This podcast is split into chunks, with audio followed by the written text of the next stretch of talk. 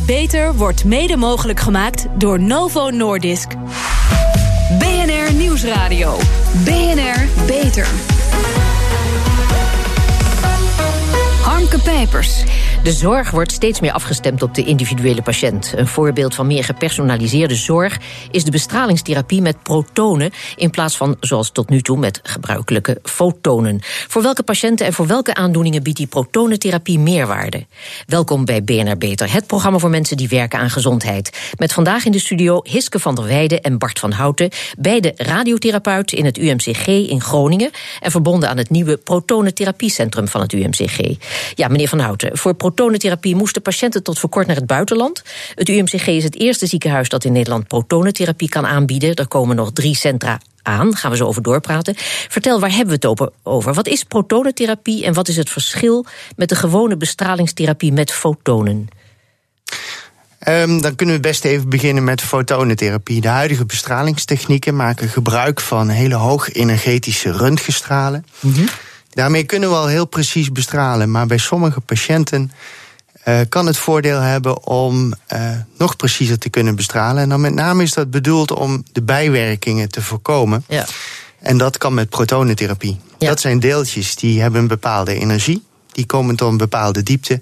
En daarna wordt er geen dosis meer afgegeven in het lichaam. Ja, ja, dus niet daaromheen. Het is een precisiebombardement. Dat betekent dus aanzienlijk minder schade in de gezonde omgeving. Ja. Ja, uh, veel ziekenhuizen in Nederland uh, bieden radiotherapie aan. En ieder ziekenhuis heeft ook een afdeling radiologie. Nou ben ik van de radio, maar niet van de radiotherapie. Dus uh, het zal menigeen ook duizelen van al die termen. vertel, wat hebben we allemaal? Wat ik nou net noemde, dat zijn al twee aparte afdelingen. Klopt het dat radiologie bijvoorbeeld vooral gebruikt wordt voor het stellen van diagnoses?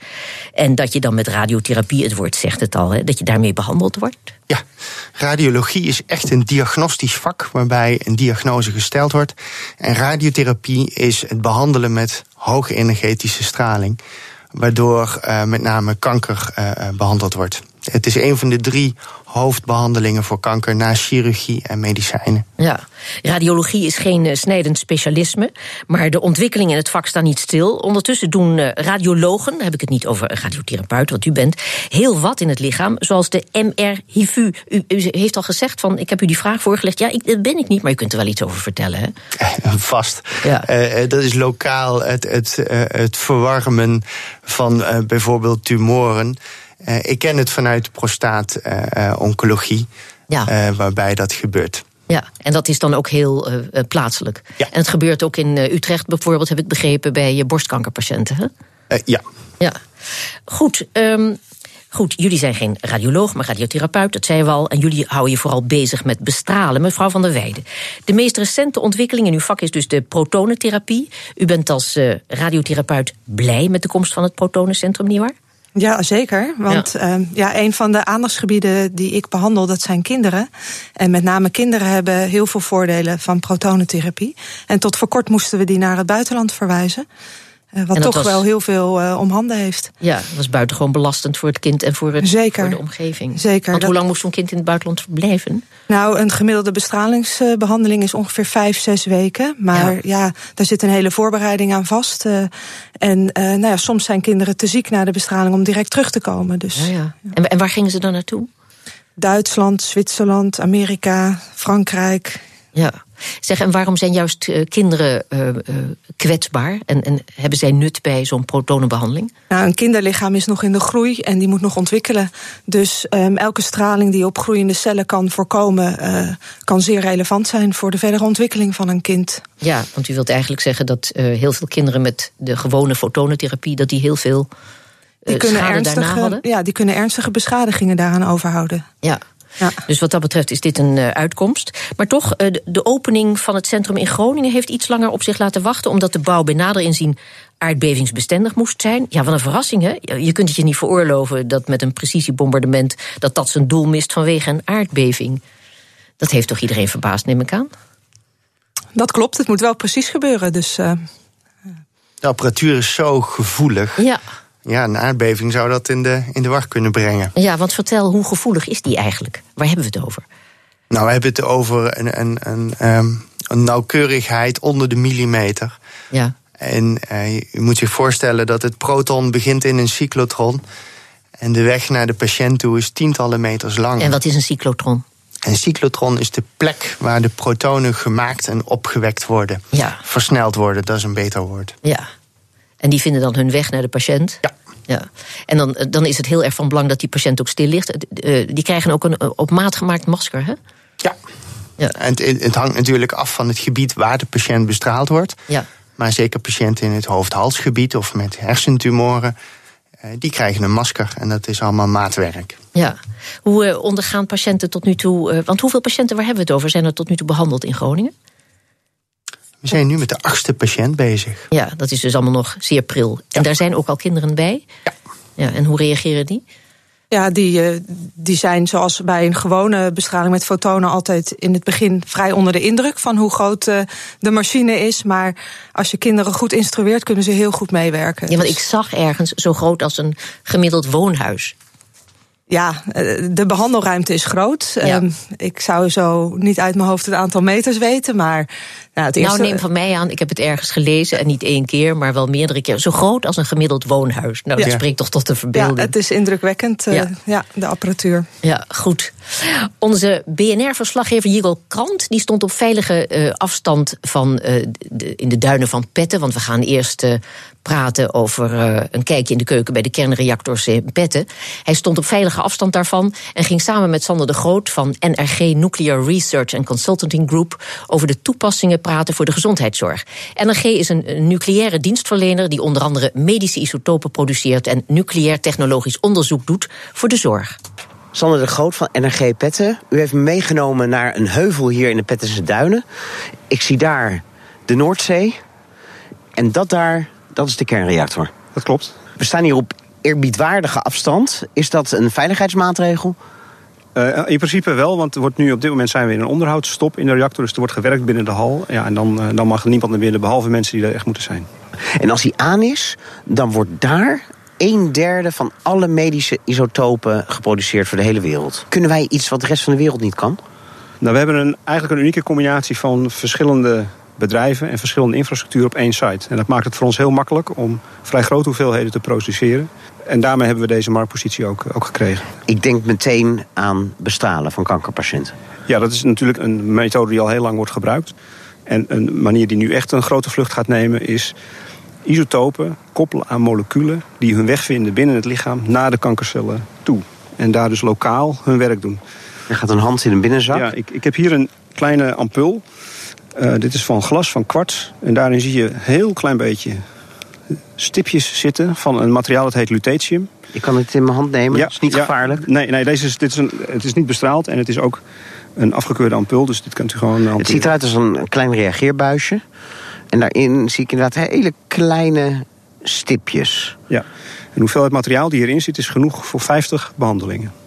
Nu wordt er de laatste jaren vaak hardop gedroomd over de genezing van kanker. Dat zou al over vijf of over tien jaar kunnen gebeuren. Helaas om mij heen zie ik daar niks van.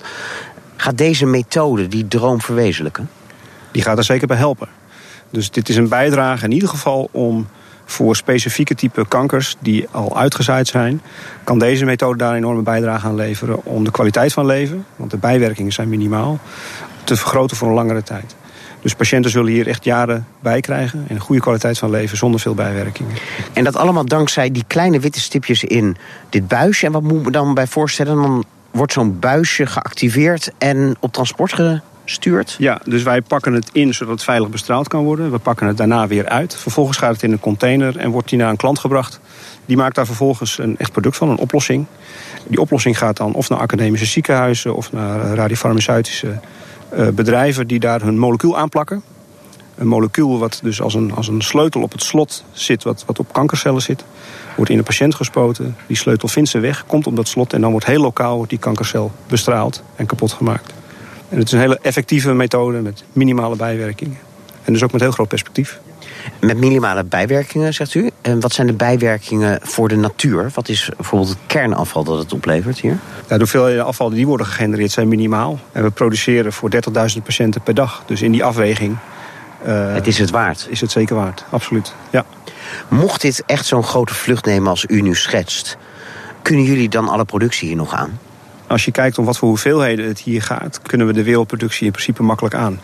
Maar als wij uitstaan, moet een andere reactor natuurlijk ook opvangen.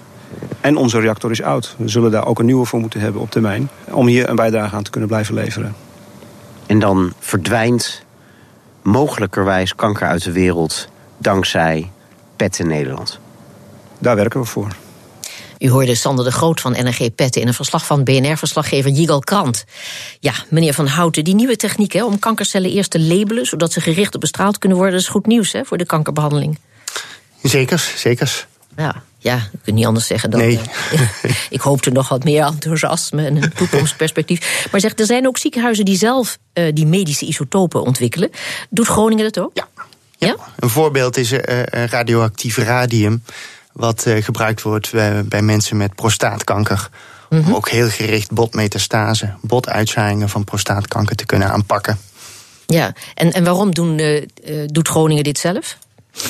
De mogelijkheid, kort ja. bij de patiënt. En we hebben de apparatuur om deze isotopen te maken. Ja, ja, want uh, in Groningen is die kwaliteit uh, beter. Want ik begreep dat in veel gevallen de halfwaardetijd uh, vele malen kleiner is van de thuisgemaakte cyclotrons dan de medische isotopen uit petten. En maar dat, dat is zeker waar. Dat ja, is zeker waar. maar dan hebben we het dus niet over Groningen. Nee. Nee, zeker. Mevrouw van der Heijden, NRG in Petten produceert geen medische isotopen voor het nieuwe protonencentrum. Dat gebeurt dus in Groningen zelf. Wat, waar mag ik me dan, wat mag ik me daarbij voorstellen als absoluut niet techneut? Waar draait het protonencentrum op? Kan u mij dat uitleggen? Nou, dat draait niet op isotopen, um, mm -hmm. maar dat draait dus op een, uh, een cyclotron wat uit uh, ja, eigenlijk uh, water protonen vrij kan maken. Dat zijn dus kleine deeltjes vanuit het, het watermolecuul. En die worden vrijgemaakt en versneld. En die gebruiken voor therapie. Dus dat, daar zit niks, niks radioactiefs aan. Hm. Zeg, en daar zijn nucleair geneeskundigen, maar ook natuurkundigen bij betrokken? Met name natuurkundigen, um, want dat hele fysische proces is, is natuurlijk ontzettend technisch. Ja. En daar zijn wij als medici niet voor opgeleid. Uh. Nee.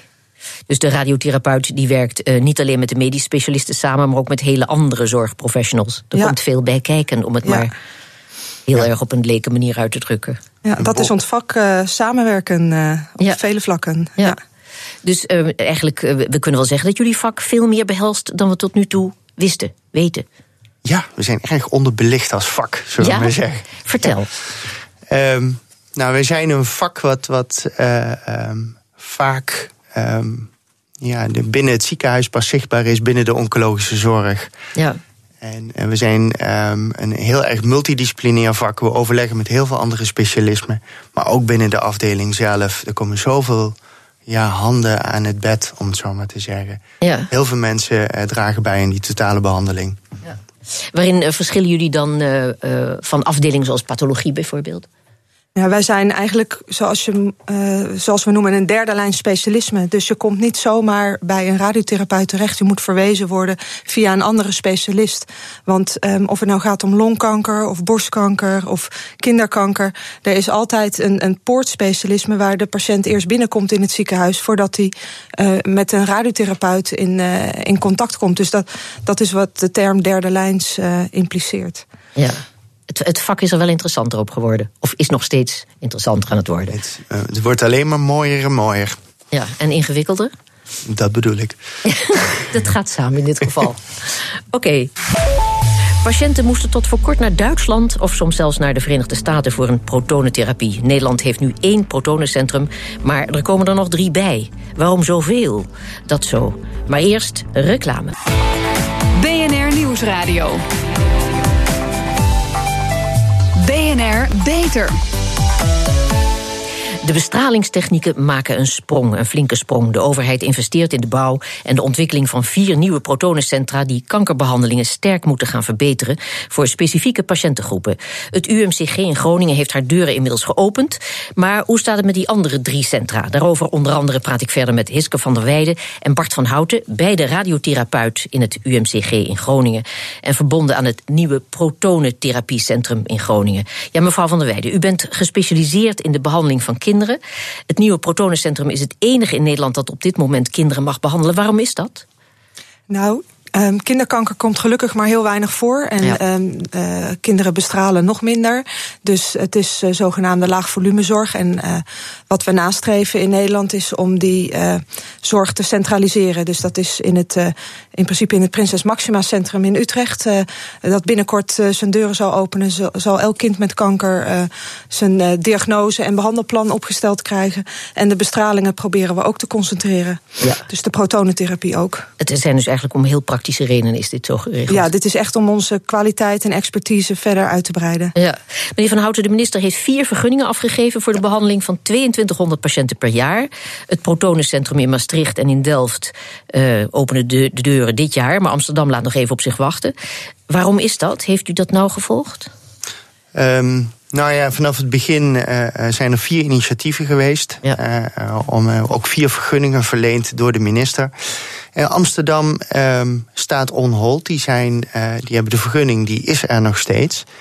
En um, ik, ik weet niet tot in detail waarom uh, het nu niet verder loopt. Maar we hopen nog steeds dat zij gebruik gaan maken van deze vergunning. Mm -hmm. Om um, ja, de capaciteit wel op peil te houden. Ja. Want zoals u zei, het zijn inderdaad 2200 uh, patiënten hebben we vergunning in totaal in Nederland om uh, te mogen behandelen. Maar we verwachten dat richting de 6000 mensen in 2020 voordeel zou kunnen hebben van de protonentherapie. Ja.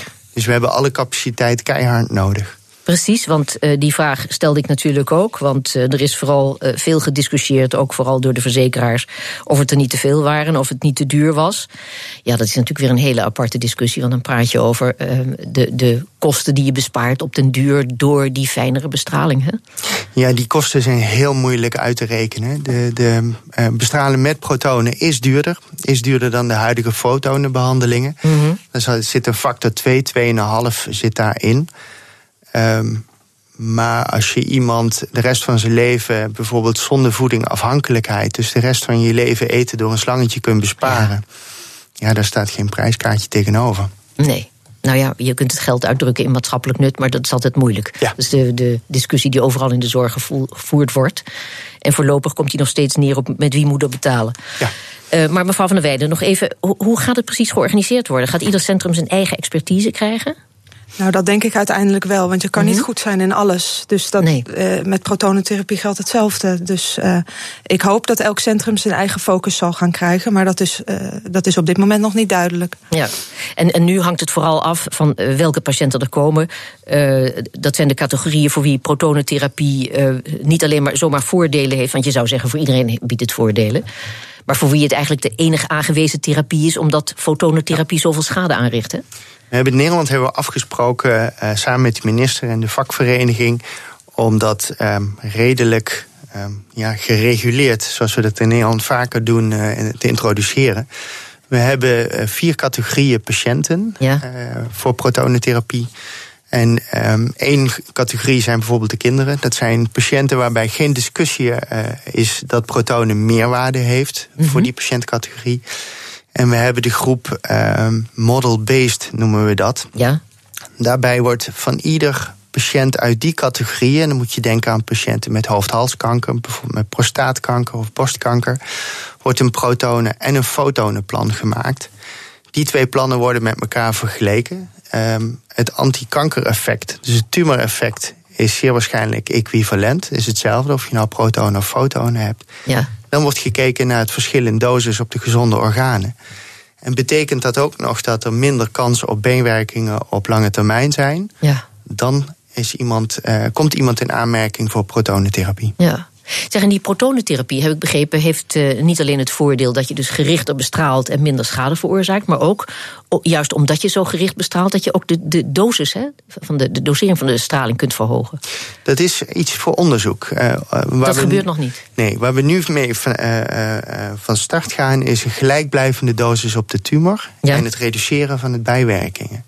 Maar als je kijkt naar bijvoorbeeld longkanker, ja. zien we dat uh, uh, ondanks een hoge dosis die we nu kunnen geven met fotonentherapie, toch de longkanker in het bestraalde gebied soms terugkomt.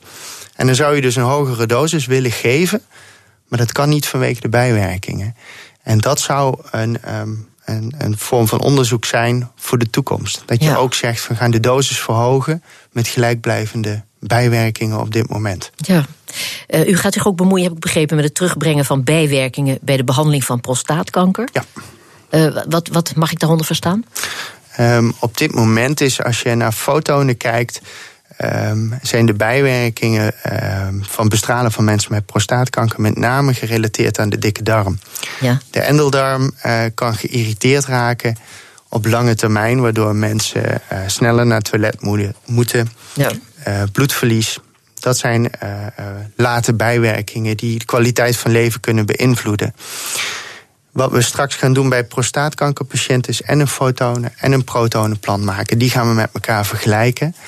En als dan de dosis in de dikke darm zodanig naar beneden gebracht kan worden met protonen, dat de kans op bijwerkingen substantieel minder wordt, mm -hmm. dan gaat zo iemand met protonen bestraald worden. Tja. We verwachten alleen dat dat percentage bij prostaatkankerpatiënten maar heel laag zal zijn. Ja. Tussen de 5 en 10 procent. Zeg, en, nog eventjes, meneer Van Houten, is het de gevestigde naam die de apparatuur levert, zoals Philips of Siemens? Of zijn het uh, redelijk nieuwe bedrijven die zich hierop storten? Ik geloof dat IBA, dat is onze leverancier, sinds 2000 uh, deze apparatuur verkoopt. En wij Ja. zijn de 39ste klant van dit bedrijf. Ah ja, dat is mooi. En ik begreep ook dat er, een, uh, dat er in ieder geval uh, de systemen die in het land voorhanden zijn op dit gebied, dat die met elkaar uh, kunnen praten. Want dat is natuurlijk ongelooflijk belangrijk. Hoe bedoelt u dat precies? Nou, dat ze de gegevens met elkaar uitwisselbaar zullen zijn. Ja, de planningssystemen en alle softwaresystemen. Die kunnen straks patiëntengegevens en details zodat we uh, uitwisselen, zodat we de behandelingen kunnen verbeteren. Ja, nog eventjes iets anders. Um, want um, uh, een ander nieuw onderzoek naar de komst van het protonencentrum is stamcelonderzoek voor patiënten die bestraald zijn in het hoofd- en het halsgebied. Nou breng ik zo'n onderzoek niet direct in verband met proton, protonentherapie, maar vertel, wat houdt dat precies in en wat is uw betrokkenheid daarbij? Um, ik zelf ben niet direct betrokken bij dat onderzoek. Maar Sprak onze... hij bescheiden, maar je weet ervan. Dat scheelt. Ja. In het UMCG, onze afdeling radiotherapie, heeft als speerpunt het voorkomen van bijwerkingen op de lange termijn. Ja. En soms zijn die bijwerkingen, is de schade al uh, geschied, zullen we maar zeggen. En zijn we ook aan het kijken naar methodes om in de toekomst gedane schade te kunnen herstellen. En een van de belangrijkste uh, onderzoekslijnen bij ons op de afdeling is het, uh, um, ja, het kweken van stamcellen, zodat de speekselklier die uitgedroogd is, om het zo maar te zeggen, weer speeksel kan gaan maken. Je repareert met, ja. met eigen stamcellen die ja. van tevoren of uit een ander gebied worden afgenomen. En nee, die worden uh, voor de behandeling ja? uit de speekselklier geoogst. Okay, ja. Opgewerkt, om het zo maar te zeggen. Opgewerkt, ja, zo heet het. En dan uh, na de behandeling teruggeplaatst. Ja, Goed, het klinkt toch heel nucleair, opgewerkt. Maar dat is het. Even binnen de terminologie blijven. Ja, precies. ja.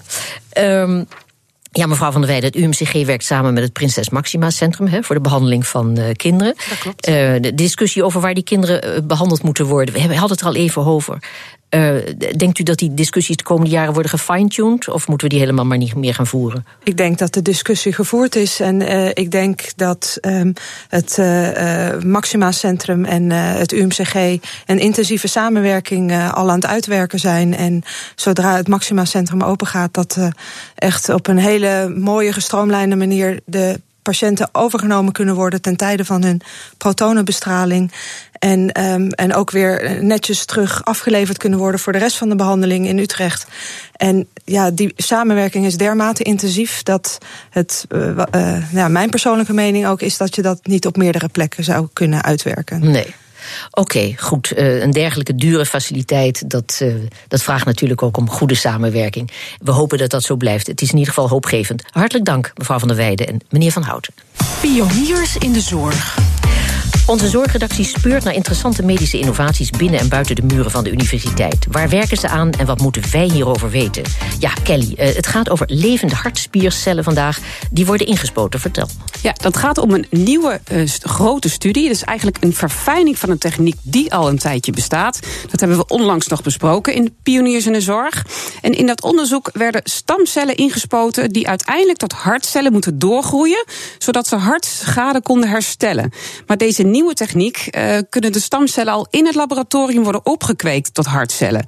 En uh, dus die kloppende hartcellen worden dus ingespoten om die hartschade te kunnen herstellen. Ja, klinkt magisch. Welke onderzoekers ja. zijn daarmee bezig? Nou, dit onderzoek wordt vanuit een Europees consortium van verschillende universiteiten gedaan, waarbij iedere universiteit zijn eigen specialisatie heeft. We luisteren even naar Joost Sluiter, hoogleraar cellular and translational cardiology uit het UMC Utrecht. Uh, het blijkt dus dat we ook voor het probleem wat ook gewoon echt heel moeilijk is, ook wel wat moeilijke oplossingen nodig hebben. En daar heb je al die expertise voor nodig. Er zijn mensen bij die weten hebben van alle regelgeving en ethische vraagstukken die ook naar boven komen in, in dit soort uh, projecten.